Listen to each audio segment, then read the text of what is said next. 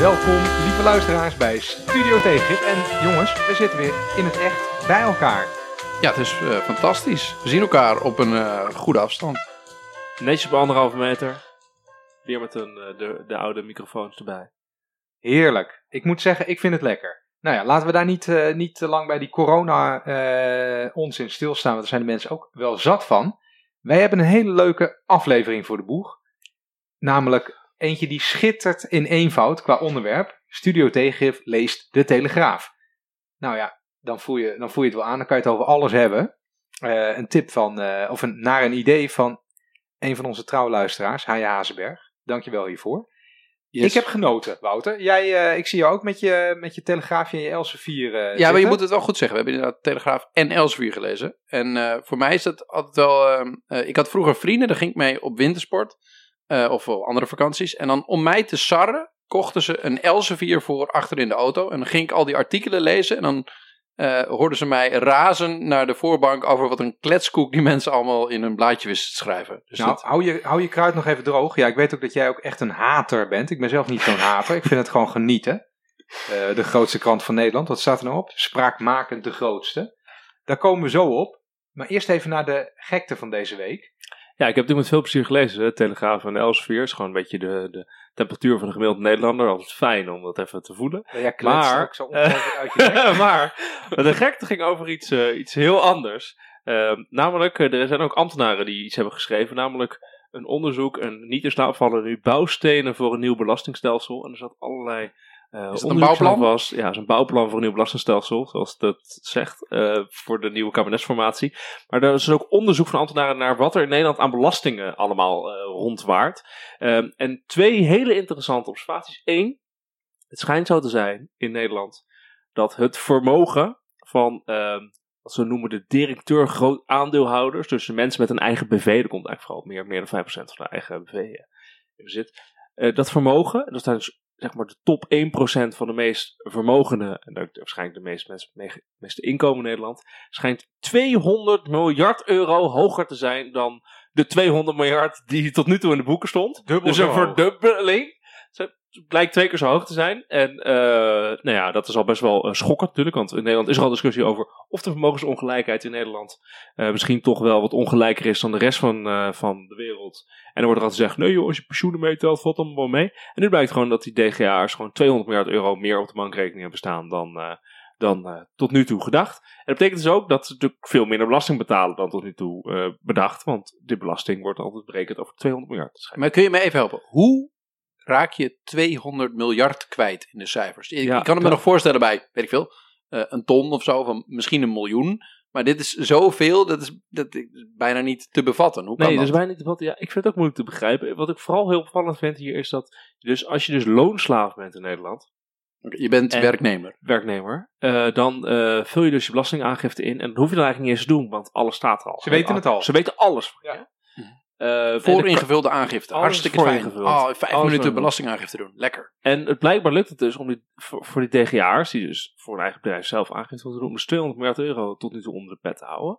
En het is natuurlijk zo dat, ehm, dat dus Ja, wijs Jij mij. Ik weet niet waarom. Ja, ja, omdat jij verteld eh, hebt dat jij met een professor hierover hebt, een mailcorrespondentie hebt gehad. Die eigenlijk zei dat dit nog een onderschatting was van het vermogen. Hè? Wat, we, wat we kwijt waren de afgelopen paar jaar bij die Nou ja, ja, daar kan ik wel even iets over vertellen. Eh, maar dan wil ik eerst nog wel even zeggen dat er is dus een grafiek eh, gemaakt van hoe scheef dat vermogen eh, verdeeld is. En dat is, dat is heel schokkend. En wat je dan ziet, dat ze hebben dus alle mensen zeg maar, op een rij gezet, alle percentielen. En dan zie je dat de armste mensen, of de mensen met het minste vermogen, die hebben ook negatief eh, vermogen. Dat is gewoon schuld, toch? De schuld, exact. En dan heb je tot, tot 60%, dus de onderste 60% van de Nederlanders qua vermogen, die hebben eigenlijk geen vermogen. Die, Nee. hebben, die hebben 1000 of eh 2000 euro eh, op de bank maximaal. Dat is, hoeveel procent van Nederlanders is dat? 60. De onderste 60% heeft dus De meerderheid. enkele. dat is zeker. Ja, 60 Nou, Ja. jij zit, Scherp. jij bent- ja, Nee, maar ik, jij zit er bovenop, Wouter. ik, Man, vraag, man. ik, ik vraag dit omdat deze mensen stemmen dus wel voor maatregelen, in, ook in meerderheid, die niet zo handig Nee, zijn dat voor mensen waar. die Want 1000 die- euro vermogen Van die hebben. 60% mensen die eh, geen vermogen heeft, daarvan stemt, eh, stemmen heel weinig. Want het zijn jongeren, Ah, zijn mensen met een migratieachtergrond, het zijn lage inkomen. We dwalen Dus, enorm we- af. dus die, die stemmen niet. Dus de mensen die 40% aan de bovenkant, Die stemmen. die, stemmen, allemaal. Die Ja. stemmen. En dan zie je dus, dan, dan, dan gaat dat lijntje zo langzaam omhoog. En dan bij dat laatste percentiel, dus inderdaad letterlijk de, de top 1%, zie je dan een enorme staaf. Eh, dus die 1% die heeft, eh, en dat maakt het rapport niet helemaal duidelijk, maar dat zie je gewoon visueel. Die heeft meer vermogen dan de onderste 60%, eh, misschien onderste 70% bij elkaar. Het is gestoord. Wat heb ik toen gedaan? Eh, ik dacht, ik mail. ik had een heel schitterend boek gelezen, De Onzichtbare Hand. Een boek van Bas van Bavelt, een hoogleraar economische geschiedenis. Over hoe ongelijkheid en eh, eh, marktwerking, bloeiende markteconomieën, waarvan er historisch gezien best wel een aantal zijn geweest, altijd tot, of altijd, eh, nou ja, altijd, uiteindelijk tot een soort stagnatie en eh, economische neergang leidt. Dus hoe een groeiende concentratie van vermogen daartoe leidt. Dus ik dacht, nou, ik vraag hem gewoon, hoe kijk je tegen deze ongelijkheid aan? Want iemand had op Twitter geroepen, dit is vergelijkbaar met het einde van het Romeinse Rijk. Mhm. Dat zou dus kunnen, eh, maar dat is niet helemaal, eh, niet helemaal duidelijk. Ehm, ik heb hem niet helemaal gevraagd of ik dit ook in de podcast mag noemen, maar ik had wel ge- genoemd dat ik het voor, als research voor een column eh, deed. Dus Je, je bent nu al bezig. hij vindt het vast niet erg. Het is een geweldig boek trouwens. Koop dat boek. Nou, dat maakt het vast goed weer. Staat in de show notes. Ja, nee, het is echt een leuk boek. Ik heb het, het is wel dik, maar ik heb, ik heb het met plezier gelezen. Hij zegt, nou, het zou best nog wel kunnen dat dit ook nog een onderschatting is. Eh, want je hebt ook nog trusts en dergelijke, eh, vooral bij de top 1%. Vermogen in het buitenland, bijna geheel bij de top 0,1%. En het volledig verstopte vermogen. Hij ligt dat niet toe, maar dan denk ik aan eh, goudstaven in de Gewoon kluis. materieel of, Of, vermogen. Ja, of, of, Ja. Op, of op geheime rekeningen, of gewoon echt sieraden. Schilderijen. schilderijen, inderdaad. Ja. Eh, hij zegt, gaat eh, bijna geheel om privaat vermogen, niet om vermogen. Snap niet helemaal wat hij, wat hij bedoelt eh, eigenlijk. Maar hij, durft dan, het is echt een wetenschapper natuurlijk, hè, hij durft niet helemaal te vergelijken met andere historische periodes. Maar hij zegt wat je wel kan zeggen, je kan het wel vergelijken met andere samenlevingen nu. En dan is deze ongelijkheid uitzonderlijk, zegt hij, om drie redenen. Je hebt relatief grote schulden onder in de verdeling, meer dan elders. Oh ja, wat, wat, wat we al noemden net trouwens. Eh, en een zeer grote groep met nauwelijks of geen vermogen. Dat is bijna nergens zo, zegt hij.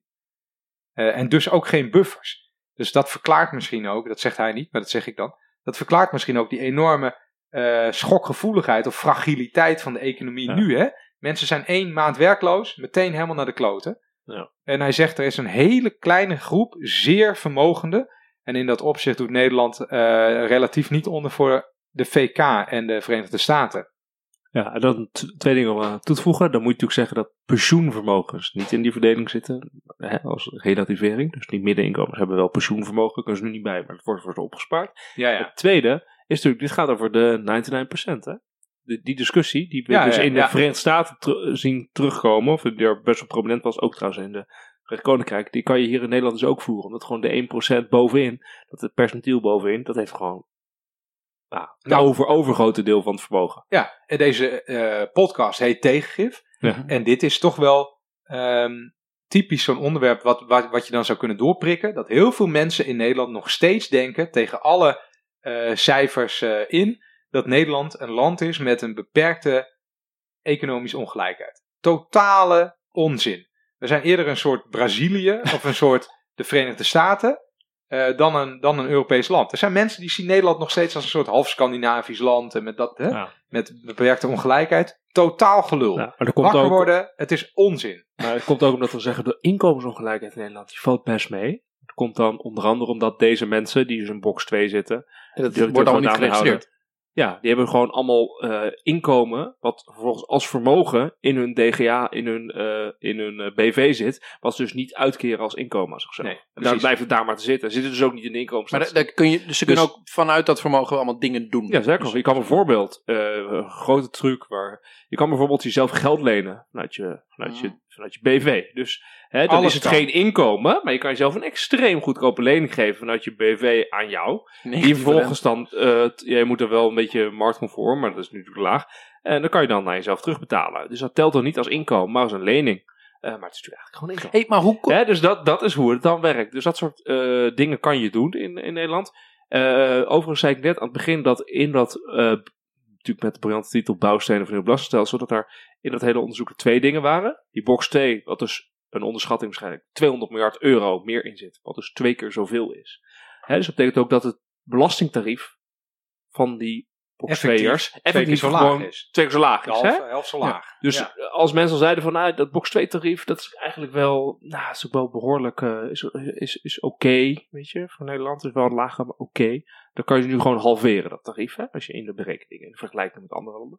Maar het andere interessante wat erin stond is, gaat niet meer over vermogens, maar over belastingmaatregelen. In de podcast hiervoor hadden we het over allerlei belastingregelingen die onder het ministerie van Economische Zaken en Klimaat vallen. Die door VNO eh, en MKB Nederland erin geregeld zijn en waarvan de effectiviteit twijfelachtig eh, was. Zo mooi dat zij nu ook onderzocht hebben, eh, ambtenaar van het ministerie van Financiën, onderzocht van de 104 belastingmaatregelen die de afgelopen jaren zijn doorgevoerd, zijn er slechts 8 effectief en doelmatig. Dus dat is nog niet eens 10%. Hoe is dit? Dit is eh 5, 6%. Van alle belastingmaatregelen zijn dus effectief en doelmatig. Dus van de overige 96 kan niet worden aangetoond dat ze echt het beoogde doel halen. Dus die... Dus, dat, dus die, dat is gewoon zeg maar geld weggeven aan mensen zonder dat het doel wat je ermee eh, wil bereiken behaald mensen wordt. aan bedrijven. Aan mensen of bedrijven. Nou ja, eh, er zit ook bijvoorbeeld behoorlijk wat zaken bij die naar zelfstandigen gaan. Hè? Dus dat zijn dan, dat wordt officieel gezien als eenmansbedrijven, maar dat zijn eigenlijk mensen. Even de, de, de, de Telegraaflezer wil even een vraag stellen.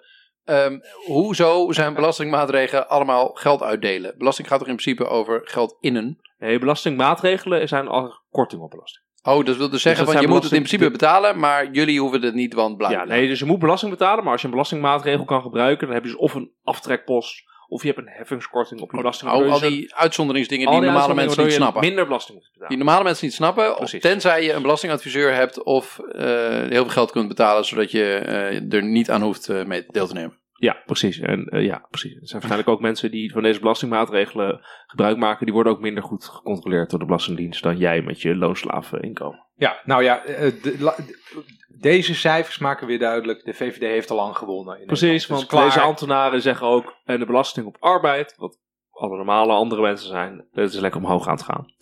Eh, en de rest, uh, belastingvermogen is gedaald de afgelopen jaren. Is dat, eh, waarom is, is dit groot? Dit was dus een rapport van eh, de ambtenaren van het ministerie van Financiën. Die schrijven dan af en toe een, wat adviezen van jongens, hebben even nu eh, zo en zo belastingen en dat zou je dit en dit aan kunnen doen, want eh, we zien eh, zus en zo. Ehm, het is niet echt groot nieuws geworden. Ik snap een beetje door de corona dat het niet groot nieuws wordt, maar, Ja, zo, het is het hebben alle nieuws uitgestaan. En, eh, maar het is niet wat we nu nog Nee, eh, wacht, wacht, heftig over hebben. Jan Focus ligt daar natuurlijk op. Ja, Maar jij, dit was- jij vindt dat lollig, maar Dit was ja. niet groot nieuws à la de Zwarte Piet discussie. Ik heb toevallig Hè? een hele weekend Telegraaf gelezen. Niks. Nee, Dit is dat een goed Dat is bruggetje. waar. En dat zou misschien zo kunnen zijn. Nou ja, ik, Ik kan er allerlei even mee- verklaringen. Ik zal er even mee kraken. Wouter, even misschien vooraf. Het geluid van een knisperende krant. Oh. Heerlijk. Oeh. Oeh, zaterdagochtend, koffie, de Telegraaf. Lekker. Wouter, jij, wil, Ja. jij vond dit mooi. Jij, dit was echt ook een kolfje naar jouw hand. Waarom wilde jij zo graag de Telegraaf lezen? Nou, ik doe dat nooit. En ik, heb, eh, ik werk op zo'n eh, ministerie. Ik werk al een tijdje in Den Haag. En er, ik heb, je hebt altijd een aantal mensen rondwaggelen in de, de, de contraien rond de politiek. Die zeggen van, ja jongens, ik lees wel eens de Telegraaf. Dat zijn mensen die ook al helemaal in een soort van Haagse kaasstop leven. Maar die wel af en toe willen uitstralen van, ik weet heel goed wat er gebeurt in Nederland. En als je dat echt wil begrijpen, dan moet je de Telegraaf lezen. En, ehm nou ja, Is dat niet zo dan? eh, nou ja, ik heb het nu geprobeerd, weer eens een keertje. Vroeger deed ik nog wel eens, eh, als je begint aan je carrière in Den Haag, dan word je af en toe ergens neergeplemd dat je af en toe moet samenvatten wat er in de kranten staat over een bepaald onderwerp. Het gebeurt tegenwoordig wel digitaal, maar dat heb ik ook ooit moeten doen. En dan moest ik wel eens de Telegraaf lezen. En dan nou, werd ik altijd vrij somber vanuit het algemene idee dat als dit was wat er in Nederland speelde, dat niet, wel somber werd over wat eh, de, de beschrijvende kracht van de media was. Maar de- even een gewetensvraag. Jij zegt, als dit was wat in Nederland speelde. Mhm. Is het dan zo, als jij deze Telegraaf leest, dat je dan denkt... De journalisten van Telegraaf, die eh, verslaan echt wat er in Nederland gebeurt. Of heb je het gevoel, de journalisten van de Telegraaf... geven nu eh, gif aan Nederland. Als in, die, die hebben gewoon allerlei dingen die goed scoren met mooie krantenkoppen, verzinnen dingen die goed aanslaan. Dus eh, verslaan ze het nieuws of maken ze het nieuws?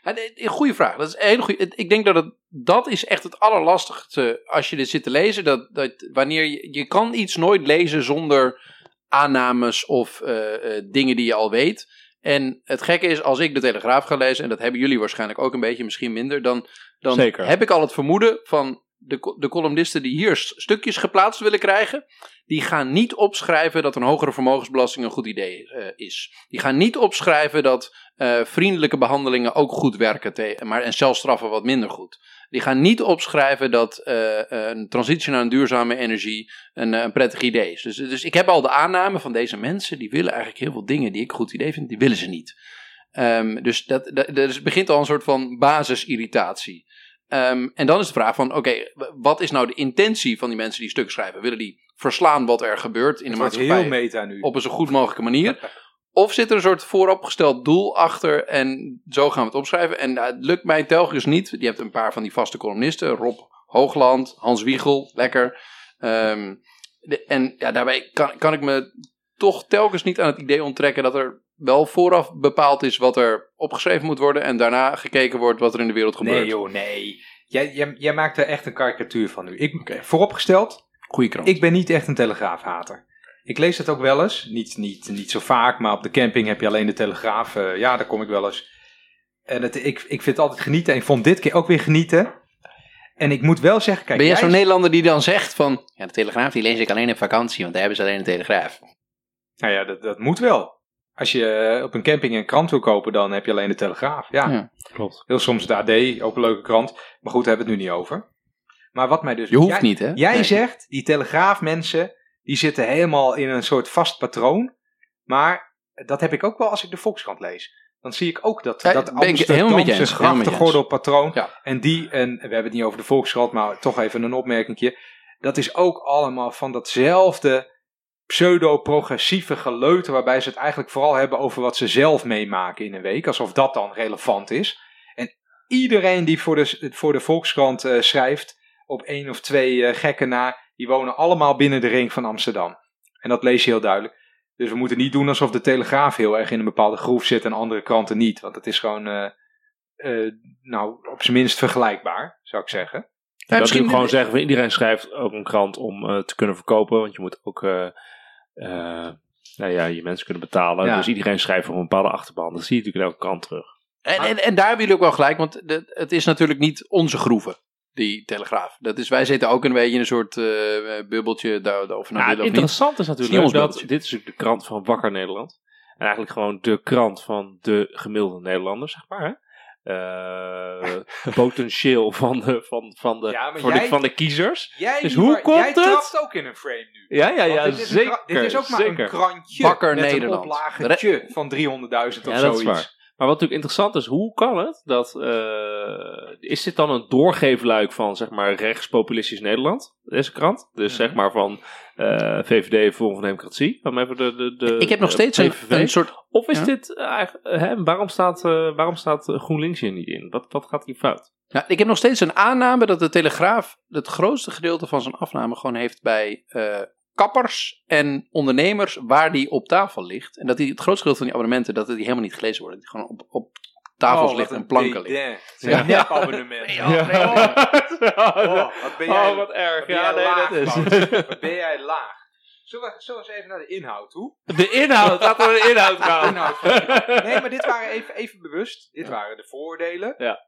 Ehm, dus dat is goed dat we die even uitspreken. En Jij gelooft echt dat, dat de, de Randy, nee, nu ook- mag ik ook even, dat de, de meeste mensen dit gewoon fantastisch vinden. Dit is gewoon echt, dit is echt wat er gebeurt, dit wil ik lezen. Geef het me.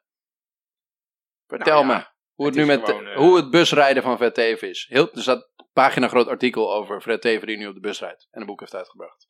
Ja, weet je. Er staat toch wel een soort van een beetje in wat er gebeurt eh, in Nederland. Ik moet zeggen dat ik daar eerder, eh, daar kan ik eerder een leuk gesprek over voeren bij het concertapparaat en over zo'n algemeen volkskrant artikel. Dat is waar. Koffiezetapparaat materiaal. Koffiezet, Dat is het. apparaatmateriaal. Ja, Gewoon Vertel, de lunch, de Ik lunch. vind het. eh, ja, ik, ik, ik, het is absoluut. eh er zitten Drie absoluut dingen waar je over pagina's, kan praten. drie pagina's over het eerste vaatje haring dat getapt wordt dit jaar. Drie pagina's. Nou ja, heel veel mensen vinden dat interessanter dan al dat, al dat Ah, nee, ja, in de ja, Volkskrant. ja, misschien, ja, misschien heb je wel helemaal gelijk en eh, ben ik gewoon een zeikert. Ja. misschien. Gelijk. Willen mensen gewoon lezen? Ja. Maar goed, eh, Nou, ik vertel Randy, eh, wat heb je gelezen? Wat, geen- De inhoud. Ja, Ik inhoud. ben ook geen fanboy. Ik, ik bied de luisteraar bij nu al het excu mijn excuses aan voor het, het kraken met papier wat ik nu ga doen. Want dat is ook allemaal niet fraai. Of misschien luistert dat juist wel lekker. Maar ik sloeg de krant open. En dan zag ik meteen de vraag. Wie betaalt de crisis? Nou, dat is wel thematiek waar wij natuurlijk ook vaak op zitten. En het eerste... Het e- sorry hoor. Het eerste zinnetje Huh? wat ik toen las. En toen is, nou, ik zal het voorlezen. Een vakbondsvoorzitter. Ik denk, oh, nou, er komen ook, eh, hè. Het is echt niet alleen rechtse meuk. Er komen ook vakbondsvoorzitters aan het woord. En wat zegt die man? Van de Unie. Het gaat dan over de crisis en hè, wie betaalt hem dus. Wat de titel ook was. En dan zegt hij, waar ik wel bang voor ben, is een nivelleringsagenda. Hij had ook kunnen zeggen, laten we die box twee mensen betalen met die 200 miljard extra. Bijvoorbeeld. Nee, Nou, nee. ik heb het gevoel dat hij dat niet vindt. Want hij gaat dan verder. Hij zegt, P van de A-leider Ascher had het in een kranteninterview over belastinggeld van de verpleegkundigen waarmee nu, mee de, waarmee nu de steun voor bedrijven wordt betaald. Ik vind dat stuitend. Je zou kunnen denken, ik vind dat terecht, maar ik vind dat stuitend. Laatst stond hij nog te applaudisseren voor het zorgpersoneel en nu gebruikt hij ze alweer voor zijn verkiezingsprogramma. Ik denk, oké, dat lijkt me, als ik in de zorg lijkt me alleen maar handig dat iemand zegt, jij gaat niet opnieuw verneukt worden, maar goed.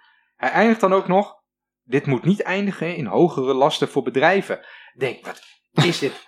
Is dit echt? Waarom zou je dit doen? Wat, wat voor vakbond gaat in, in, in fucks naar pleiten tegen een nivelleringsagenda en, te, en, te, en, dan, en de grootste zorg is dan dat bedrijven eh, hogere lasten krijgen. Dus dan Ren- Reinier Kastelein van, van, eh, van vakbond de Unie. Ja, dat zei ik toch. Het is een soort eh, vakbond voor hoger personeel of zo. nou, ik heb het gegoogeld. eh, dat, dat, dat blijkt het dan te zijn. Maar denk, wat is dit voor belachelijk, wat is het voor belachelijk verhaal? Maar in deze, als ik nog even door mag gaan, Wout, ik hoop niet dat je er al zat van bent. terug naar de ik, ik zie mijn punten allemaal bevestigd worden. Dus Ja, ik vind er prachtig. zou nu een filmpje gemaakt moeten worden van Randy die aan het worstelen is met een telegraafkrant. Omslaan. Dat heb ik nog nooit gelezen. Ja, precies. Maar wat dan op de voorpagina staat, is, er staat heel groot ontslag met staatssteun. Echt hele dikke letters. En toen dacht ik, hier gaan ze tegen ageren. Ze kut. Staatssteun, rechts vindt staatssteun slecht. Maar nee, het is een pleidooi, een breed ondernemersoffensief wil dat de overheid ook de kosten voor ontslag gaat vergoeden. En toen dacht ik, wat lees ik? Ik dacht even van, ik snap, ik ben niet, ik was nog niet helemaal wakker. Ik snap het niet, dacht ik. Hier wordt gewoon gepleit voor subsidie op ontslag. Bedrijven willen subsidie om mensen te ontslaan. En dat is het gewoon. Bedrijven willen dat horeca, retail en ondernemersorganisatie ONL eh, bevestigen de wens dat op tafel ligt om de transitievergoeding te compenseren. Transitievergoeding is de vergoeding bij ontslag. Dat, dat is gewoon. Dit is voorpagina nieuws voor de Telegraaf.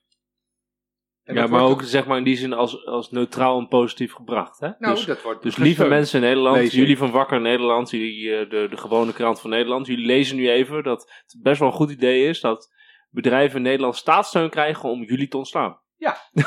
dat is eigenlijk wat je leest daar. Dus je zegt als krant, wat mij dus aanspreekt, je zegt ik ben een krant voor het volk, maar ondertussen heb je dus, want ik lees wel tussen de regels door een agenda. Dit is wel een krant met een politieke agenda. Dat zat ik net te zeggen en toen was het niet goed.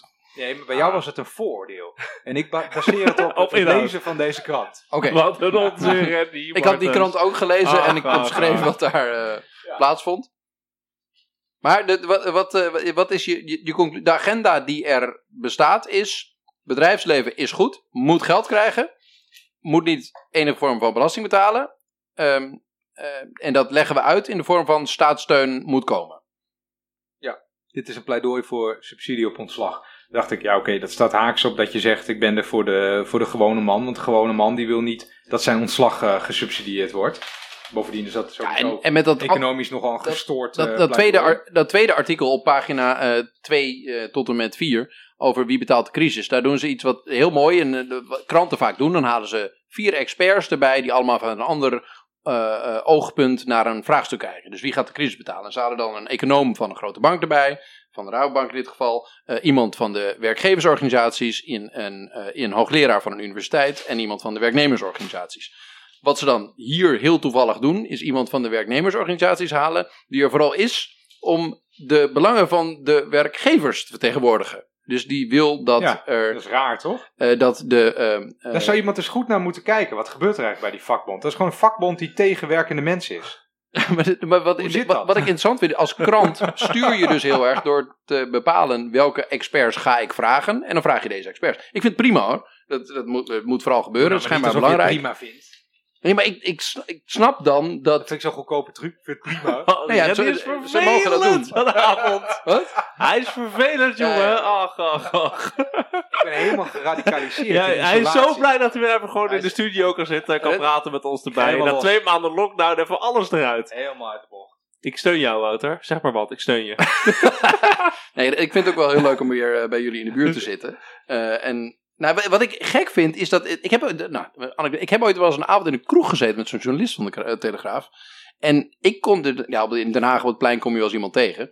En ik kon er dus. Ik kan het, mij, kon het niet aan mijn verstand verkrijgen dat die persoon werkelijk meende dat hij. ehm, ja, objectieve, neutrale journalistiek bedreef. Ehm, en ik denk dat daar ook. Daar clashten wij ook met elkaar. Ehm, en dat heb ik nog steeds wanneer ik dit lees. En ik zit dus de hele tijd in een soort existentiële twijfel van... Ben ik nou zo bevooroordeeld dat deze lui alleen maar de belangen Ja. van de verkeerde kant willen vertegenwoordigen? Of is het nou werkelijk zo dat hier heel erg ehm, ja, eh, schimmig met de, de situatie omgegaan wordt en dat er, wanneer het over het betalen van de crisis gaat, heel erg selectief gevraagd wordt aan wie er daar een oordeel over wil vellen? Wouter, Ehm, goede vriend. Deze mensen zitten gewoon in een andere bubbel dan jij. ja, Precies. Dat is waar. Sowieso een andere bubbel. En hebben ze een punt in die 100%. bubbel, Randy, of is het al gewoon kletskoek? Nou, ik, Nee, het is totale onzin. Oké, gelukkig. Ja, nee, dat is wel zo. Eh, dat is, dit, is een totaal, dit is een kortzichtige en economisch domme werkgeversagenda eh, die, zij, eh, die zij bevorderen. Daar ben ik het, die conclusie, die, die- je kan niet anders dan die conclusie trekken als je dit leest. En het moet simpel uitgelegd kunnen worden. Hè? Dus ik vergeet ook nooit meer dat, dat ik ooit een keer begon met werken bij een, bij een partij in de Tweede Kamer. En dat, eh, Mensen weten onderhand echt wel waar jij gewerkt hebt. dat er toen een gesprek was met een telegraafjournalist over het mooie onderwerp, de zorg. En dat we toen een gesprek hadden en dat hij eh, heel geïnteresseerd had luisteren en zei: Ja, het is te moeilijk voor mij om dit uit te leggen aan een telegraaflezer, dus eh, ik stop ermee. Dat, dat is wel interessant, want dat, is, dat speelt er ook heel duidelijk. Hè? De, de koeienletters op de voorpagina met staatssteun, Staatssteun. voor ontslag. Dus je moet het allemaal heel simpel en makkelijk eh, kunnen uitleggen. Dat moet ook vooral gelijk je Ja. pijn doen, zeg maar. Emotioneel moet je denken van, oeh, Ah, ja. er gaat hier wat gebeuren. En dat vind ik wel briljant. Echt, echt gewoon, heb ik wel echt bewondering voor van hoe mooi de koppen zijn. Hè? Dus Mhm. klimaatplan doorklieft natuurambitie. Vind ik al ingewikkeld. Dat, dat artikel Ja, wil ja, ik nog ja, ingewikkeld ja, Telegraaf echt. Daar, daar wilde ik nog op terugkomen. Ja, Dat is prachtig. meteen op terug. Nee, maar dat is Ik echt. steun je. Kijk, je hebt een paar dingen in de Telegraaf die sowieso. Je hebt een soort. eh, voordat je hem openslaat, weet je. Bepaalde dingen zijn slecht, bepaalde dingen zijn goed.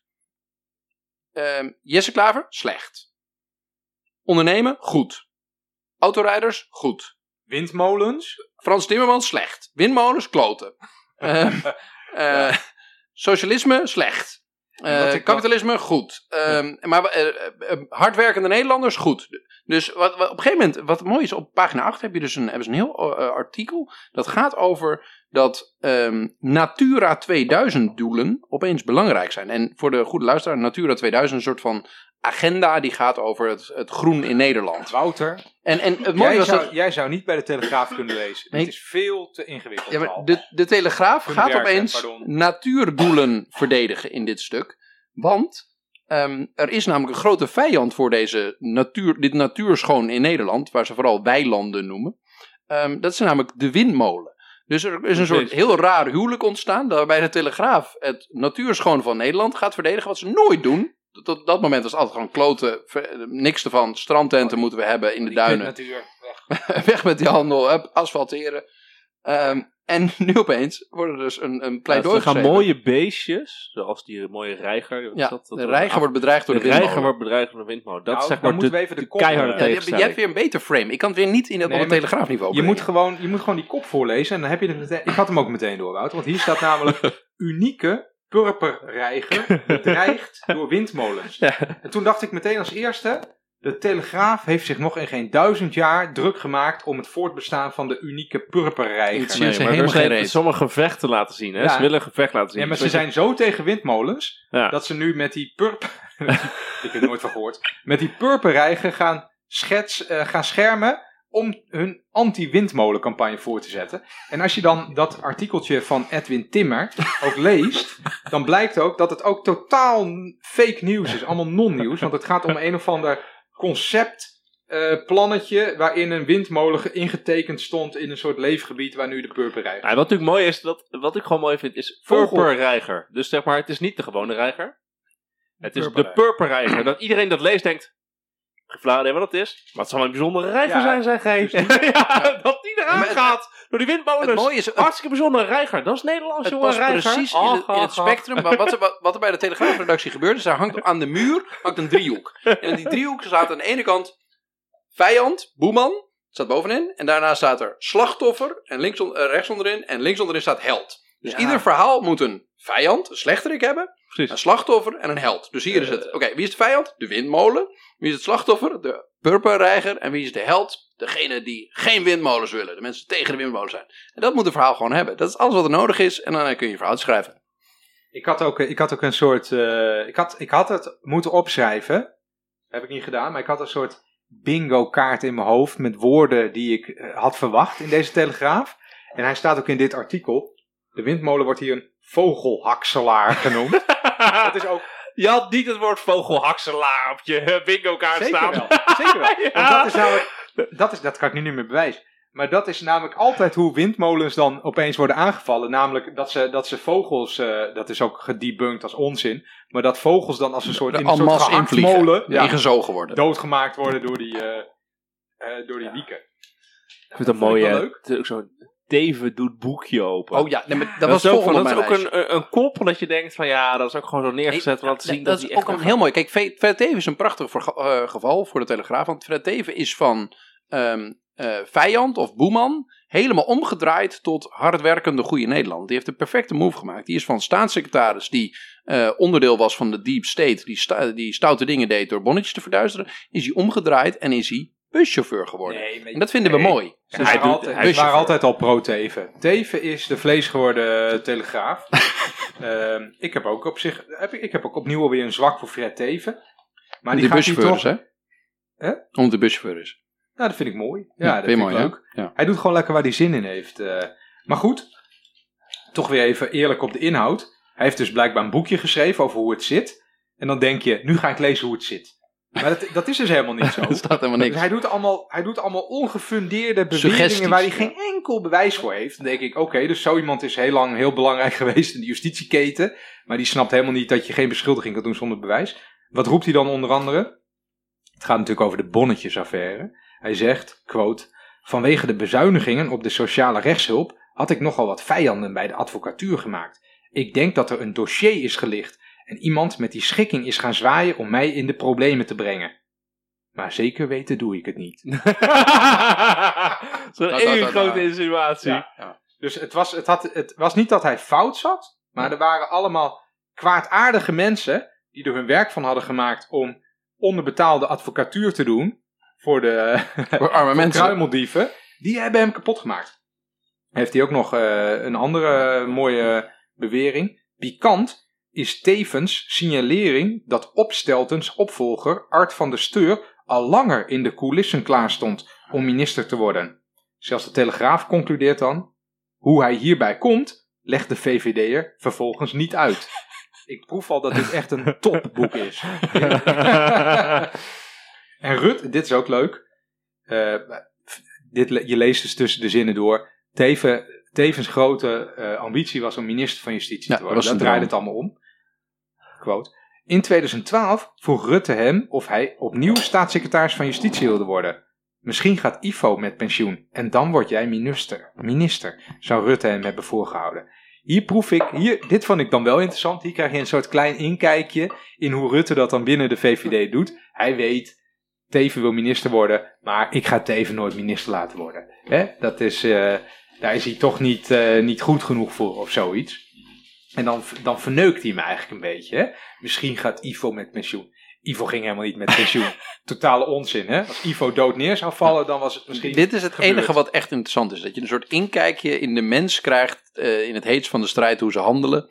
Ehm, dat het ook gewoon maar is iemand die zegt van. Joh, hè, doe je even mee man. Hè, misschien is een kans voor jou. Kom op. Ja, Mag je met grote jongens spelen. eerlijk, Mag je want- met grote jongens spelen. want eh, wat jullie misschien nog wel weten, dat eh Opstelten moest aftreden. Wel vanwege de Teven dus dat niet. was een beetje verwarrend. Teven hoefde niet af te treden. Maar Teven besloot om af te treden. Ja. Toen Rutte tegen hem, later dus, heeft gezegd: eh, Jij wordt geen minister. hier heb jij, is een- Teven hier heb jij een zwak voor. Hè? Hier heb jij een zwak voor. Nou, Teven is de underdog. Ja. Eh, en Teven is te Die heeft ze volks. gewoon gebruikt. Die, heeft het gewoon, die, die is is, gewoon te volks. Die had het Ja. gewoon niet zo goed door. En terwijl het, eh, toen Opstelten begon met zijn ministersperiode, was natuurlijk al duidelijk dat hij volstrekt aan het dementeren was. Dus dit, dat is gewoon... Nou, jij bent ook on fire, wie maar bol. Wat? Dus Volstrekt Nou ja. aan het dementeren. nou ja, die man, die, dat, was, dat was echt niet... eh, Scherpte was er een tikkeltje vanaf, maar volstrekt aan het dementeren. Nou, ik doe even Is de dat je- overdrive. is dat je dat, dat even je- omdat we uit het lockdown zijn. Ja, ja. Het is niet zo dat ze hem af en toe kwijt waren en dat hij dan bij een la- een lantaarnpaal stond en dat hij dacht dat hij bij een bushalte... Nee, na- ja, ze zijn, zijn dwars ergens stond. een beetje stom. Ik ben op zoek naar een bonnetje, maar ik weet niet waar. Ja, hij stond af en toe op een, op een straat ook wel persconferenties te houden. Ja, precies. hey, wat me trouwens opvalt bij, deze, bij de Telegraaf, is er Ja? misschien iets wat jullie helemaal niet... ehm, zoals je allemaal weet, ik heb dit weekend toch gewoon heel hard de Telegraaf gelezen. Eh, echt gewoon Zoals twee ieder dagen weekend, lang. hè? Eh, Trouwens, hier moet ik ook bij vragen. Toen jij, toen jij in de politiek werkte, las jij toen de Telegraaf om te weten wat er speelde? Ja, zeker. Nee, serieus? Ja, we hadden een Telegraaf liggen. Maar eh, wat mooi is, jullie moeten... eh, Ik geloof er geen reet van, maar... kijk naar de, de advertenties.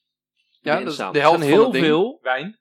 advertenties gewoon eh, alcohol, slippers, kleding, sportartikelen, dat soort dingen.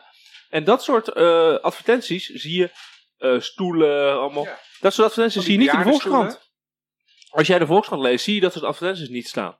Als je de NRC leest, zie je dat soort advertenties niet Een staan. traplift. Er zijn gewoon allemaal... Oude mensen, denk ik ook. Het zijn Nee, maar ze gewoon, eh, gewoon advertenties met spullen weekend. voor hele... Ja, Normale mensen. dagen aan het Veluwe meer. precies. Allemaal dat soort... Droomparken. dat soort advertenties, dat, dat zijn een heel ander soort. eh het werkt gewoon een heel ander soort krant is.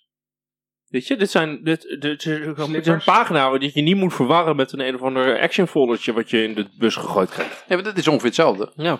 Dus eh, nou, dat valt gewoon heel erg op als je, het, eh, als je goed dit allemaal leest. Nou, dat is een uitermate waardevolle observatie.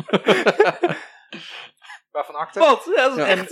Nou, ik- als je over de inhoud van de krant dat ik, ik, ik ben wel, wat, wat mij niet kan eh, eh, ont, eh, ontsnappen, is het idee dat dit een krant is die, als hij dan gelezen wordt, waarbij ik nog steeds geen argumenten tegenstelling heb dat het voornamelijk de vulling is voor tafels bij kappers, ehm, dat als hij gelezen wordt, is het door oude mensen. En die houden gemiddeld gezien toch gewoon een ander, ehm, nou ja, vooral een soort belangenveld op na. Is dat zo?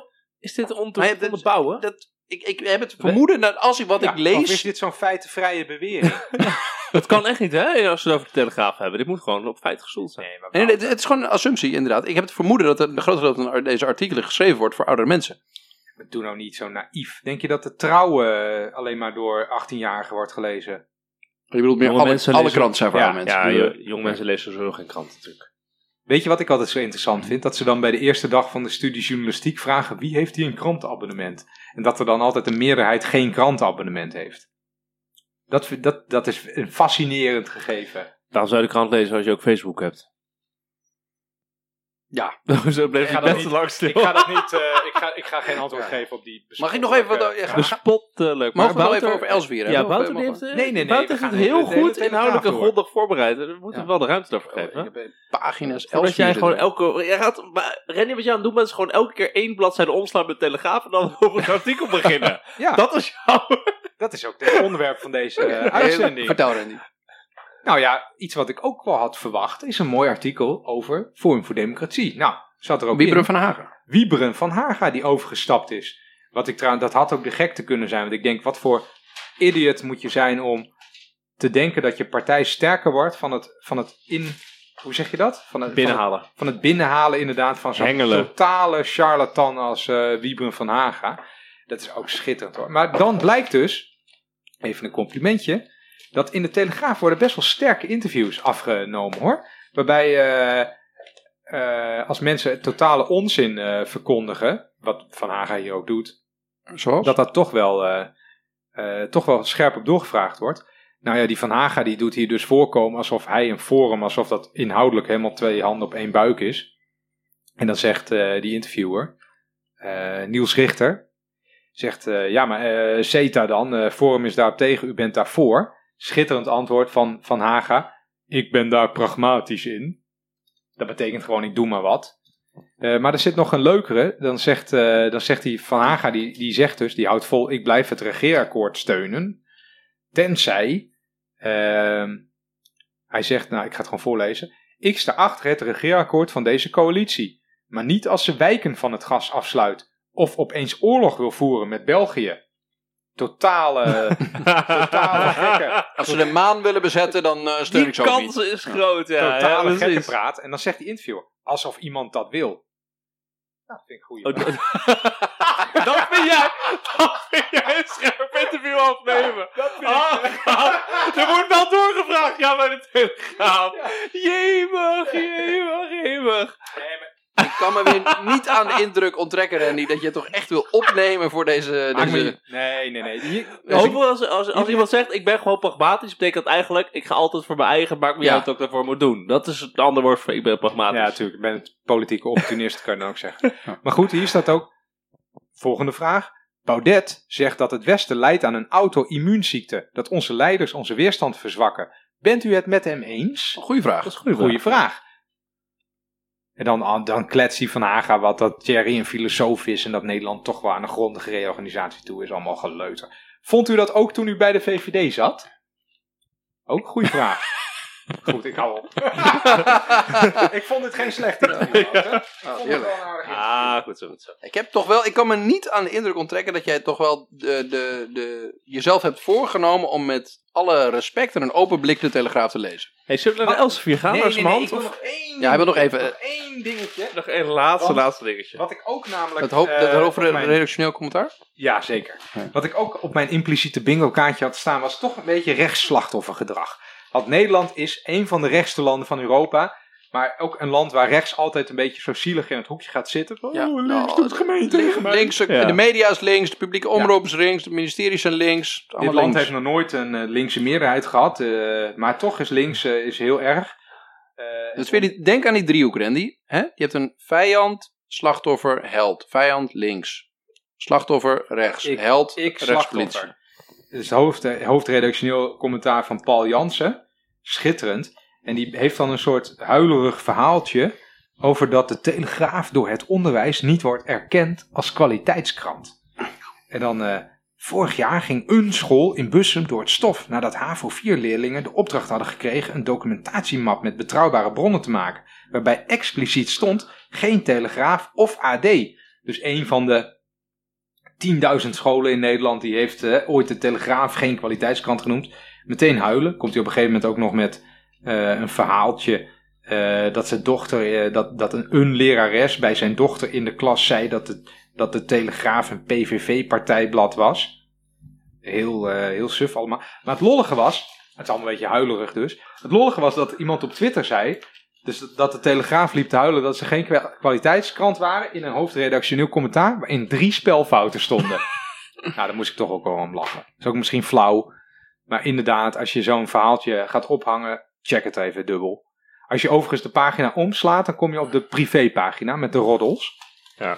Van deze week. Maar het compliment trouwens aan Telegraaf is wel gewoon, het leest lekker. Het leest lekker weg, hè? Het leest Ja, echt heerlijk. lekker. En ik vind het echt gewoon de, de, de, de stelfiguren. En het is gewoon, het, is, het leest echt lekker. Ik vind het lekkerder lezen dan een, eh, een, een, eh, een saaiige krant. Ik vond het een Of hel. Ik vond het echt een hel. Volkskrant. Echt een hel. Of ze hebben de beste het titels leest van echt Nederland. lekker, ja. Ja, Zeker, ik, ze hebben de beste titels van Nederland. En alle, elke zin wordt opgeblazen. Ik vind het wel gewoon, ja. Gevoel Weet je wat ik ook zo knap vond? De Telegraaf is de laatste krant in Nederland, misschien wel in Europa, die overging van die, dat enorm, naar dat enorm kleine- grote formaat dat ze vroeger hadden naar een klein formaat. En dat was wereldnieuws in Nederland. De Telegraaf gaat over op tabloid. Ik denk, je Ja. bent gewoon de allerlaatste die internet neemt. En nu vier je dat als een soort grote innovatie. Geweldig. Ja, ik, en ik, ja, Alleen zij precies. kunnen dat, Wouter. Precies, en dit soort zinnen, hè, dit soort, deze zin, dat vind ik gewoon zo mooi. Want je had het zoveel neutraler kunnen zetten, maar het wordt dus uiteindelijk deze zin. Na jaren waarin we al die reizigers veilig en zo goedkoop mogelijk naar de meest heerlijke bestemmingen wisten te brengen, worden we nu gezien als oplichters of boeven die weigeren geld terug te betalen. Dan denk ik, Dit gaat over dit, vakanties. Dit, is- of dit zo. gaat over vakanties. Denk ik, ja, die had er ook gewoon, die had er gewoon kunnen zeggen, ja.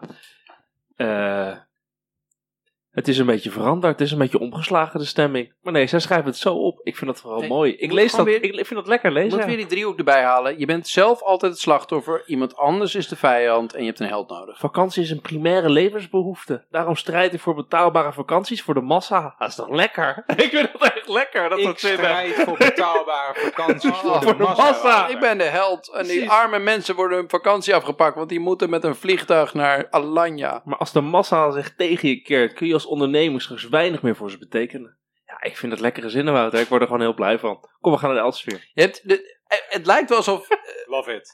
ik weiger eigenlijk toe te geven aan wat, wat progressieve en hoogopgeleide mensen vaak als een soort van charme zien. Is dat je het heel leuk vindt om ook volkse dingen leuk te vinden. Dat je het dus leuk vindt om af en toe lekker naar zo'n zo'n kroegie te gaan. Waar iedereen lekker eh, met een kleedje op tafel en zo. En dat, ik heb, merk ook een beetje bij jullie dat jullie het eigenlijk leuk vinden om de Telegraaf leuk te vinden. Omdat dat oké is. En ik, nee, ik doe daar gewoon niet aan mee. Dat, dat Het is niet omdat het oké is, maar het gewoon lekker lezen. Ik vind het echt mooi. Ja, nee. Het, het, het- ik heb het gevoel dat het een soort van gimmick is. Ik, ik vertrouw het geen centimeter. Ja, maar je maakt het te belangrijk, joh. Jij bent bang dat mensen dit lezen en dan helemaal gek in hun hoofd worden.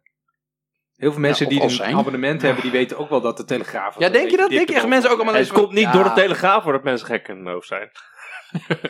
Jullie hebben het gewoon al opgegeven. Dat is het. Dat is gewoon, ja. Nee, ik vind Dat het... is ook geen idee. Nee, oké. ik heb Elsevier. We hebben ook de Elsevier gelezen we- deze week. Want we dachten, hè, als je dan gaat, moet je volledig gaan. We hebben de post online even achterwege gelaten. Na felle discussie daarover. Eh, dat ging te ver. Ehm, eh, wel erg jammer dat een van onze nemesissen, of nemesis, ik weet niet wat het meer van is. Nemesis. eh Sibwinia niet meer voor Elsevier schrijft. Daar hebben we het af en toe nog wel eens over. Dat het als, als je Ja, nou, gekkie Nederland toch moet dan moet vatten wel echt, in één als je- persoon. Dan moet je wel echt heel bond maken om eruit te worden gegooid. als Ja, eh, ja, dat moet je het bond gemaakt hebben. Maar het is onze gek Siep gelukt. En die is nu eh, een is eigen blog een begonnen. Als je mij nog eens een keer op de kast wil hebben, moet je mij gewoon een uur Winia's Week laten lezen. Dat is een, een, een weblog die hij tegenwoordig schrijft. En ik heb een paar, laten we zeggen, vrienden die wat meer in het libertarische hoekje van het spectrum zitten. En die sturen mij af en toe zoiets. En dan in, in ruil dat zij een keer een artikel uit de Groene of de Correspondent lezen, lees ik dan wat Sibinia oppent. En dan eh, stuur ik ze vervolgens een rant over dat die man de wereld kapot wil maken. Maar we hebben ons... porno. Ja, ergernisporno. Ik heb, dat, dat vind ik wel van, lekker hè? hoor. En dan zeg ik ook tegen mijn vrouw van, nee, laat me even. Ik ben nu even een rant aan het tikken. Laat me. Ehm, We krijgen een inzichtje in het leven van Wouter Belling. maar eh, Jij bent ook gewoon knettergek, hoor. We gaan dat verder. doe jij ook. Dat komt niet door de Telegraaf. Maar ga verder. Dat je allebei net zo goed. Nee, eh, de Telegraaf en, eh, of nee, sorry, de Elsevier. En wat, het is allemaal goud eigenlijk. Het is, het is, in mijn ogen, het is best leesbaar, maar compleet irrelevant. En toch het meest gelezen we- eh, weekblad van Nederland. Dat is raar, want dit gevoel had je ook al bij de Telegraaf. dit is ook... Ja, dat is gewoon een perspectief. Maar het is, gelezen het is krant van Nederland, het- hè? het- Met je, dat een één. soort, je kan een soort bingo maken van, oké, we moeten ehm, eh, een paar eh, positieve dingen over de VVC zeggen. We moeten iets zeggen over het Nederlandse leger dat goed is. We moeten iets zeggen over dat duurzame energie fout is. We moeten zeggen dat ehm, eh, eh, iets zeggen over een luxe levensstijl die goed is. We moeten iets zeggen over ehm, dat feminisme slecht is. En die dingen zitten er allemaal in. Het zijn allemaal artikelen die ze hebben kunnen vinden die, die deze, deze vakjes invullen. En dat, ja, dat weten ze toch wel telkens te doen. Ik vind het wel knap. Ehm, eh, een, een voorbeeld is een column die eh, de, de, de onlangs overleden eh, Henry Keizer, die helemaal door het slijk gegaan is, die, die VVD-begrafenismagnaat. maar die, de, die wordt door, is door de rechtbank Crematie, magnaat. of crematiemagnaat inderdaad. Die is in opspraak geweest en die is vrijgesproken. Dus die heeft volgens de rechtba- rechtbank niet direct strafbare feiten gepleegd. Ehm, en eigenlijk is de, de strekking van een heel artikel daarover dat de media eigenlijk de VVD niet te hard moeten aanpakken. Eh, en eh, ja, dat, ik, Ja, dat klopt. vind, ik, vind ik een mooie hoek om te nemen als je het hebt over de partij die het meest voorkomt wanneer het gaat over mensen die in opspraak raken doordat ze misbruik maken van hun macht of hun functie. Ehm, eh, een ander artikel gaat over de eh, militaire inzet in Irak, waarbij er het eigenlijk hele artikel een klucht is tegen de linkse bedweters die maar blijven hameren op transparantie over wat het Nederlandse leger in Irak heeft gedaan. En eh, de strekking is eigenlijk dat je niet een oorlog kunt voeren met volledige transparantie en dat eh, linkse partijen dat maar niet blijven begrijpen. Eh, ja, dat is ook weer, weer een punt. Dus dan kun je vooraf dus gewoon het lijstje maken van wat we zullen vinden. En ja, dat, dat vind je dan terug. Ehm, en waar we net in de Telegraaf lazen over de eh, windmolens die eigenlijk het Nederlandse landschap en de, hoe heet die, die reiger ook weer, eh, eh, verpesten. Is het nu in, in hebben ze een artikel over hoe zonneweiders het landschap juist verpesten. Want het is een ongekende industrialisatie van het landschap. Nederland verandert in één grote bebouwde kom door al deze zonneweiders. En de term weides is misleidend, want er kunnen geen vrolijke schaapjes doorheen lopen. Het maakt ons landschap kapot. Ehm, en dat, ja, dat vond ik ook wel weer een, een mooie op het vinklijstje van dingen die we stom moeten vinden en dingen die we goed moeten vinden. Dingen die gaan over een transitie naar een duurzame economie vinden wij stom. Argumenten die we daarbij kunnen vinden zijn sowieso handig. Dus als we dan opeens voor natuur moeten zijn, zijn we voor natuur. Zonneweiders, slecht. Eh. Mag ik trouwens wel wat bezwaar maken tegen het woord transitie? Dat het echt een kutwoord. Oké. Noem het gewoon overgang. Transitie is de- ook echt, dat is wel echt een, een, een NRC Handelsblad woord. Dat zijn Zou van nooit de- in de van Telegraaf staan. Nee, dat klopt. Ja, als ik dan nog even mijn, mijn frustratie mag, eh, mag, mag doorzetten. Dat mag. ehm, is dat de, de, de parel van de, de Elsevieriteit. eh dus op pagina 31 is een interview met een vrouwelijke hoogleraar. Die hebben ze weten te vinden. Die tegen de vrouwenquota is. Dus je kunt allerlei mensen interviewen. Maar ze hebben toevallig iemand gevonden die ook vrouw is. En, en aan een universiteit werkt. En heel erg fel tegen vrouwenquota is. Daar hebben ze een interview met drie pagina's eh mee gedaan. En zij doet ook onderzoeken naar het aantal aantallen vrouwen in commissariaten. Want wat zegt zij dan? Want ik ben daar niet doorheen gekomen. Ik vond dat ontzettend oninteressant. eh. Nou, het gaat vooral ook over of ze leuk woont en wat haar carrière allemaal gebracht heeft. Maar de, de, het, het punt is dat de wetgeving die eh, Ingrid van Engelshoven van eh, OCW, die belast is met de emancipatiebeleid, die heeft OCW wetgeving staat voor gemaakt. onderwijs, cultuur en de beste minister van dit kabinet. Precies, van Ja, D66. nou, dat, Dat dat, gezegd van D66? Ehm, nou, die heeft, die heeft wetgeving gemaakt en dat is gedeeltelijk gebaseerd op het onderzoek van deze dame. Ik moet even mijn blaadje erbij pakken. Heb je even je neus? Hoe zou ik heet? Ja? Eh, als we toch even, ik, Ik wil nog even zeggen, eh, het is dus de eh, purperreiger. Jij was even het naam Oh, de purperreiger. purperreiger. Maar ehm, deze dame die doet onderzoek naar het aantal eh, dames in, de in commissariaten en eh, raden van bestuur van eh beursgenoteerde bedrijven. En op basis van haar bevindingen, eh ze heet Mijntje Lukegaat Rovers, vast een hele sympathieke hoogleraar, ehm, is ehm, bedacht dat er in een quotum moet komen voor- in commissariaten, dus eh, toezichthoudende functies bij beursgenoteerde bedrijven, voor het aantal vrouwen dat er in de- het commissaris, eh, commissariaat moet zitten. Dus ze heeft het zelf bedacht. Maar waarom Ehm, is ze er nou, het is gebaseerd dan? op onderzoek dat zij gedaan heeft, maar ze heeft er nu zelf zware kritiek op, want ze is eigenlijk sowieso geen voorstander van quota, want ze is een liberaal en ze wil dat de overal, overheid zo min mogelijk ingrijpt in eh, eh, situaties waarin wordt ze gewoon bedrijven... bedreigd omdat zijn eigen commissariaten dan eh, competitie krijgen met andere vrouwen. Nou, dat, dat, dat, dat weet ik niet. En ik, ik, Nee, ik ik durf ook eigenlijk niet, de, integ- een suggestie. de integriteit van deze vrouw zou ik ook helemaal niet durven twijfelen. Maar wat, wat enige wat ik eigenlijk wil zeggen is dat de, als je al die artikelen zo op een rij zet, het rechtvaardigen van wat een VVD in het verleden heeft gedaan, het, eh, het blamen van links om debatten te voeren over Nederlandse oorlogshandelingen, het afkeuren van zonneweiders, want ze verpesten het landschap, het eh, tegen vrouwenquota zijn, want we hebben één hoogleraar gevonden die vrouw is en dat vindt. Het, het is vaak niet toevallig dat je deze artikelen ehm, eh, pagina's grote stukken gunt, omdat je eh, als, als blad, dan wil je daar een punt mee maken. je Ehm, maakt dus- nu eigenlijk het punt dat jij bewijs vindt in de Elsevier dat het een beetje rechtsblad is. Nou, ik kan me niet aan de indruk onttrekken dat hier gewoon één grote agenda onder zit. Oh, echt? Echt een schokkende conclusie. En ik dacht, ik ga dit lezen, want ik ga gewoon even heel neutraal in. Van, goh, hè. eh, je kan ook op, op- er zit ook nog een artikel in over de, dat betwijfelt of schaliegas nou eigenlijk kwalijk is. Of dat het juist goed voor onze economie is. Kun je ook gewoon nog teruglezen. Ehm, Ja, maar wat ik dan waardevol vind. Kijk, je hebt natuurlijk gelijk. Maar dat wisten we het ook van tevoren. Dit is gewoon een rechtsblaadje. Eh, maar wat, wat ik er waardevol aan vind, om dat toch even een keer... Ik heb er op zich wel van genoten en het was helemaal niet zo... eh, hoe zeg je dat? Het was echt niet dom rechts of zo. Het, was, het is gewoon een rechtsblad en eh, nou prima. Nee, nee, het is niet dom. Dat, dat heb je nu nog Nee, het is helemaal niet dom. Het is een prima blad.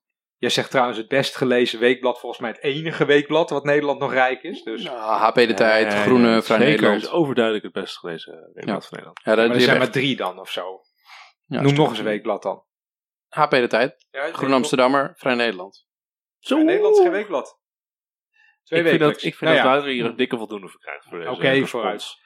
Wat wou ik hier En de zeggen? Linda. Nee, maar misschien maakt dat je wel bewust van dat die blaadjes die jij leest, Dat dat die zijn dus al knijter links. Ja, nee, dat, dat, is ook, dat is ook echt goed. We moeten, je moet een, eens in het half jaar moet je de Elsevier lezen. Ja. Ehm, Zoals de, jij maakt er heel snel een jijbak van eigenlijk gewoon. Hè? Van, het is niet zo dat dit heel rechts is. Jij leest gewoon hele linkse dingen. Zie je wat ik heel doe? snel. Ik ben helemaal geïnspireerd hierdoor. Ik ben, hier, ik ben hier beter uitgekomen, Wouter. Ik heb gewoon geleerd. Soms moet je de inhoud even loslaten en gewoon een jijbak maken. Die staat trouwens een schitterende zin ook in dit artikel met die eh, hooglerares die jij, eh, eh, net, waar je net over vertelde. Zij zegt, ehm, als je jou eenmaal stoort aan hè, eh, ongelijke rolpatronen, dan valt je opeens van alles op. Bladibla. Als mijn jongste zoon me op de kast wil krijgen, roept hij antifeministische dingen. eh, et cetera, et cetera.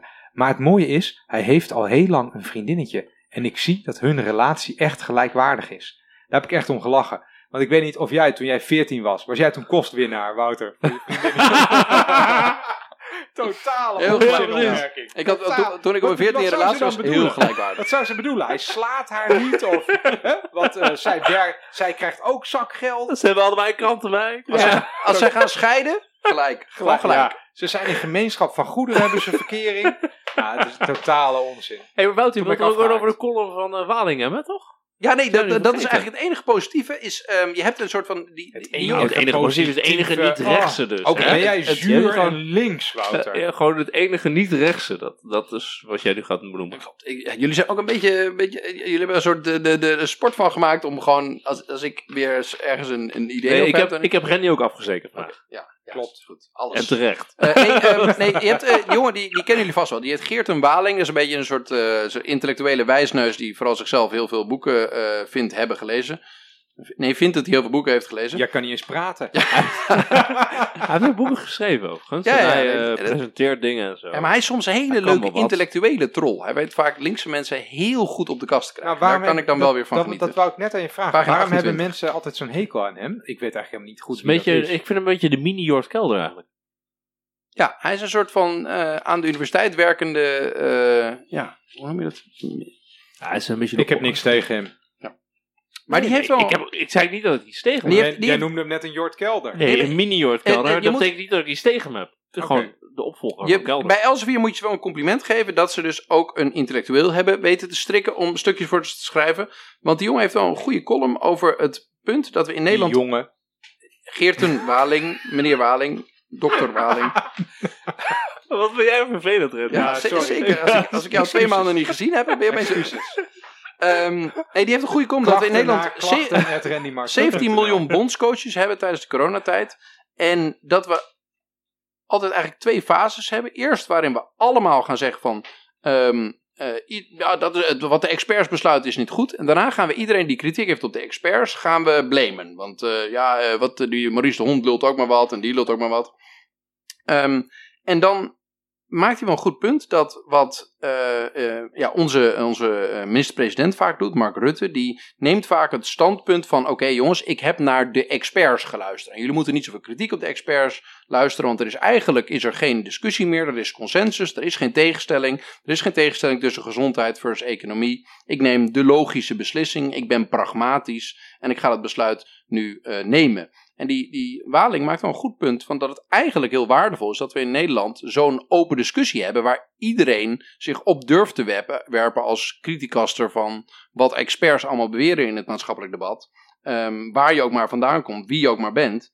Ehm, en dat dat eigenlijk heel erg waardevol is. En dat je niet als minister-president je de hele tijd op kunt beroepen dat je gewoon doet wat de wetenschap hebt en wat jij doet neutraal is. Je kunt niet altijd de TINA, de There is no alternative kaart spelen, als minister-president. Want er is over heel veel zaken niet een puur neutrale weg te vinden. Er is een, uh, een normatief besluit te nemen. En hij bekritiseert eigenlijk dat onze minister-president vaak uh, die, die, ja, die, die middenweg meent te nemen. Terwijl die eigenlijk heel erg uh, ideologisch of in ieder geval normatief bezig is. En dat, ja, ik, dit was voor mij een, uh, een, een, een lichtpuntje in een, in een zee van voorspelbare ellende.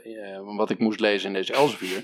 Dus die Geert, Geert, en Waling, die zou ik graag een... Een, mooi, de, de, laatste persoon die we hebben horen zeggen, ik ben gewoon pragmatisch in dit hele podcast, was meneer Van Haga. Vind ik wel interessant dat dat uh, blijkbaar uh, dezelfde soort strategie wordt gekozen door uh, Haga en Rutte. Maar wat natuurlijk uiteindelijk wordt gezegd hier is gewoon dat de minister-president de strategie kiest die hem het beste uitkomt. Dus op het moment dat hij kan zeggen, er is, er is no alternative, ik kies naar de, ik luister naar de wetenschappers, doet hij dat. En op het moment dat hij iets politieks moet doen, doet hij dat. Dat is toch eigenlijk gewoon het, het hele verhaal. Ja. Jij wil reageren, Randy? Nee, Zo nee, ik, ik vind het vol te kijken. Ik was het eigenlijk ook wel eens met die, met die column van Geert en Waling. Want weet je, als je alleen maar naar experts luistert, dan kan je net zo goed de democratie afschaffen. en uh, hoe zeg je dat? De, de technocraten de baas maken. Ja, ik denk dus, dat ja. dit zelfs een van de zwaktes gaat wezen. We gaan nu natuurlijk, uh, de, onze volgende podcast zullen gaan over het verkiezingsseizoen dat gaat aanbreken. En als, er gaat natuurlijk heel oh. veel teruggekeken worden op uh, wat er gebeurd is tijdens de coronatijd. En als er in Nederland een vorm van, van kritiek, denk ik, uh, stand blijft houden, is dat er te veel um, het argument gebezigd is dat het allemaal gebaseerd is op de wetenschap en experts en dat er geen andere opties waren. Wetenschap weet natuurlijk ook niet. Hè? En de enige manier precies. hoe wetenschap vooruitkomt is dat er iemand met een andere mening komt of een exact. ander, uh, ander standpunt, als hopelijk een beetje gebaseerd op feiten. Dus dat vind ik wel mooi dat er nu gebeurt in dat hele debat. Dat we zeggen allemaal, we gaan naar de wetenschap luisteren. Ik kan nooit gelijk hebben. En vervolgens komen er allemaal mensen die er overheen vallen. Als het goed is, brengt dat ook weer uh, ietsje verder vooruit, zeg maar. Maar ik, vind dat, ik, vind, ik zou het mooi vinden als een beetje dat normatieve weer terugkomt in het politieke debat. In dat, dat, dat politici ook durven zeggen van, nou, ik heb ook niet echt 100% zekerheid dat de richting die ik op wil, uh, door alle wetenschappelijke theorieën te onderbouwen is. Maar het, uh, dit is eigenlijk het plan dat ik heb. 50% van de kennis, en ik moet 100% beslissing nemen. Maar hij zegt het wel, hè? Ja, Alleen als het geeft het als aan, het, maar het aan, maar op het moment, of, ja, jij noemt het indekken. Uh, maar hij kiest inderdaad van, als ik de wetenschap kan volgen, zeg ik, ik volg de wetenschap. Want ik kan gewoon zeggen, yo, het ligt niet aan mij, je kan mij wel beschuldigen, maar ik doe gewoon wat zij zeggen. Zij zijn de experts. Um, en de rest van de tijd zegt hij, ja, ik weet het ook niet, maar ja, dit is... Uh, ik doe maar wat. Dus, ik doe maar wat. Jij doet het. Nou, ik ben oh, het... oh, er wordt trouwens, er wordt zo'n parlementaire enquête, dat is niet normaal. En Ent van der Rit zit elkaar aan te kijken, en dan schijnt Maurice de Hond ook nog een beetje gelijk te hebben ook. En dat is wat er gaat gebeuren, dat weten we ook nu al. Ja, maar dat is ook... dat... Maurice de Hond is ook telegraaf wat dat betreft. Ja. Hij, volgens mij heeft hij wel een soort gezond verstandpunt. Maar ja, mensen willen niet dat hij gelijk heeft. Nee, dat is ook zo. Ik denk dat er heel veel mensen zijn in linkse kringen die gewoon niet willen dat de, dat de hond ook maar enig manier gelijk heeft. Ja, ik, ik, dat ik, is ook echt gewoon. Ben, laat zeggen dat ik zo'n persoon ben aan de progressieve kant van het spectrum. Ik weet dat van mezelf en ik wil lezen dat die man ook gewoon een punt, punt kan hebben. Maar ik voel aan mijn tenen dat die zeggen: nee, nee, nee, in principe heeft hij ongelijk, Wouter. In principe heeft hij ongelijk. En nee, ik, dat ja, wil ik best toegeven. Heb jij ook toch? Heb jij ook toch? Minder. Nee? ja. Ja, geloof ik niet. Nee, ik- ja. Volgens mij, ik heb, ik- dat vond ik leuk aan, de, aan even weer de Telegraaf lezen. En de Elsevier. Daar zitten gewoon, daar staan ook wel een paar prima dingen in. Je, hoeft het ook niet met alles eens te zijn. Randy Ja. probeert er een eindnaam te breien hoor. Dan denk ik, ik ben er klaar mee. We zitten over een uur heen. Ik vond het, wel- we ik vond het leuk. stoppen. Ik heb, ik heb ook om, om 9 uur 's ochtends bij mijn schoonouders in het dorp in de Albert Heijn gestaan met de vraag aan de balie: Heeft u nog telegrafen? Die meneer keek me aan, of mijn vrouw die keek me aan en zei van, "Huh, wat, wat wil die jongeman? Die wil, het is 9 uur 's ochtends op een zaterdag en, en die zei, ja sorry, die zijn al uitverkocht.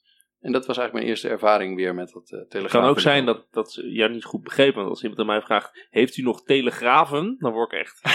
Gaat er mijn hoofd van alles fout. Dat zou best kunnen. Ja. Als je al zegt, heeft u de telegraaf nog? Dat is waarschijnlijk ja gezegd. Oh, Hey, ik vond het leuk jullie weer eens te zien. Ik eh, vond het ook leuk jullie met z'n. Ik Ja. heb ook echt genoten van de, van de was Telegraaf weer, en de eh, Els 4 besprekingen. Ik Ja. merk De wel... volgende keer ga ik het echt lezen. Ja. Dat is misschien, dat is misschien wat te vertellen. En volgende keer gaan we gewoon ik heb gewoon- overheidsrapport. Ik heb gewoon helemaal niks gelezen van tevoren. Nou, ik... eh, Wie- Wiemar die was weer verzand in een, eh, een rapport over het belastingstelsel. Ik, ik heb wel, ik merk aan deze podcast, en ik merk het ook aan, aan allerlei andere mensen, je radicaliseert wel een beetje in thuisisolatie. Ja, klopt. Ja, ja, dat klopt. Ja, gewoon van sociaal contact word je lief. Ja. ja ik, word, ik word echt, eh, ik, word, ik, word, ik merk ook dat ik in videocalls, ik word, eh, ik word harder. Gewoon, eh, je zegt eerder waar het op staat. Heb je dat ook? Nou, je moet ook harder zijn, want het komt allemaal minder goed. Het is net alsof je het over een schutting moet schreeuwen. Snap je wat ik bedoel? Mhm. Dan moet je ook harder schreeuwen dan als je het in iemands oor Waar je in normale vergaderingen nog zegt van, nou, hoe je er ook naar tegenaan zou kunnen kijken, of een beetje vanuit mijn perspectief bekeken, zeg je in een videocall, nee, klopt niet. Het schuim om de bek. Nee. Ja. Heb je niet, Wiemer? Eh jawel. Je Ja. empathie verdwijnt een beetje. Ja. Dat, is, eh, dat klopt.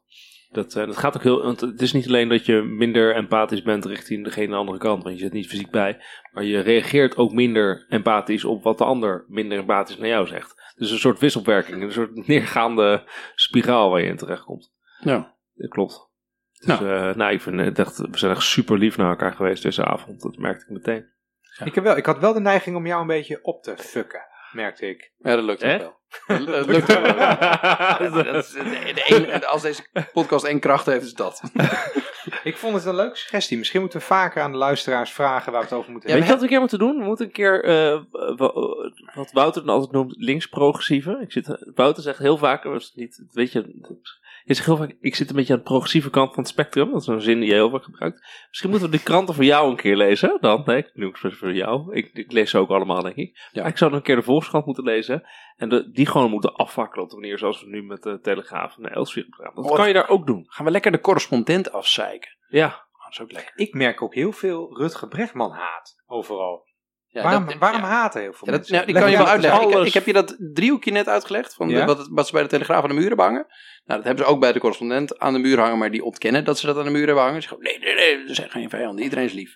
Ehm, maar weet je, wat je wel hebt, is dat Rutger Bregman is voor heel veel ja, mensen die gewoon eh, weet je, het- het beste willen voor alles, is hij de held geworden. En als je de held wordt voor bepaalde groepen, word je bij andere groepen automatisch de anti-held, de vijand. Ja, ja. En ja, dat. Die, die jongen die, die zegt eh, gemiddeld gezien hele verstandige dingen. Maar die is voor veel mensen de vijand geworden. Omdat hij voor andere mensen de held is. Ja, maar hij maakt ook zelf vijanden. Hij kiest ook zelf zijn vijanden uit. Dat doet hij natuurlijk ook. Dat hij een, eh, dus een Davo, of Davos, moet je noemen, dan de ruzie gaat lopen maken. Dat doet hij ook. Met, de, met het van, ik moet even laten zien dat dat de vijand is. Dat ik de held ben daar. En hij kiest ook om uh, Dijsselbloem consequent af te zeiken. Je moet nu partij Hij kiezen, Wimmer. Kiezen. Welk, aan welke kant sta je? Dat doe ik niet, maar ik vind het wel dat het is overduidelijk dat hij dat natuurlijk ook doet. Nee, maar dat, dat, jij zegt dat doe ik niet, maar dat doe ik dus ook niet. Weet je, dat hele, dat hele debiele van deze mensen. Je hebt twee cirkeltjes, of twee sociale kringetjes. Het rechtse kringetje. En alles wat niet uit dat kringetje komt is slecht en dom. En dan heb je dat linkse kringetje. En alles wat niet uit dat kringetje komt is slecht en dom. Wat een onzin. Dat is echt heel. Het is, in Nederland zit heel erg vast in dat patroon. Dus of je vindt. eh, en dat, dat, dat focust zich een beetje rond allemaal van die onzin onderwerpen zoals eh, Zwarte Piet en eh Sylvana Simons, hè, die, die daar natuurlijk actief op is. Oh, die culturele als Geert en, identiteitsvraagstukken. Geert en Waling, die vinden mensen aan links, vinden die dus slecht.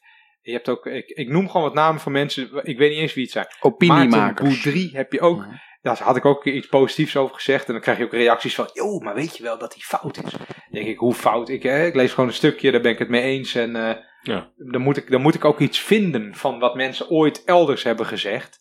En dat is al heel zwart-wit. En er loopt ergens een soort scheidslijntje. En eh mensen wel de roepen goede kant wederzijds, je hebt die an- mensen aan de andere kant, die zijn fout. Ja, dat is wel een goed punt. Ja. Maar beter gewoon een beetje pragmatisch zijn. Oké, we gaan, we gaan afronden. We gaan afronden. We gaan pragmatisch worden. Dank voor het luisteren allemaal. Ja, bedankt, wij, eh, wij hebben genoten van het samen zijn weer. Eh, we we houden van jullie input. aflevering trouwens, spijt ons. Ja, meer dan een uurtje. Ja, maakt niet uit. Als je het hier gehaald hebt. mensen klikken gewoon weg als ze Complimenten. zat zijn. Hartelijk dank. Eh, laat weten wat u ervan vindt in de reviews en de comments. En twitter ons daarover. En eh, tot aflevering 56.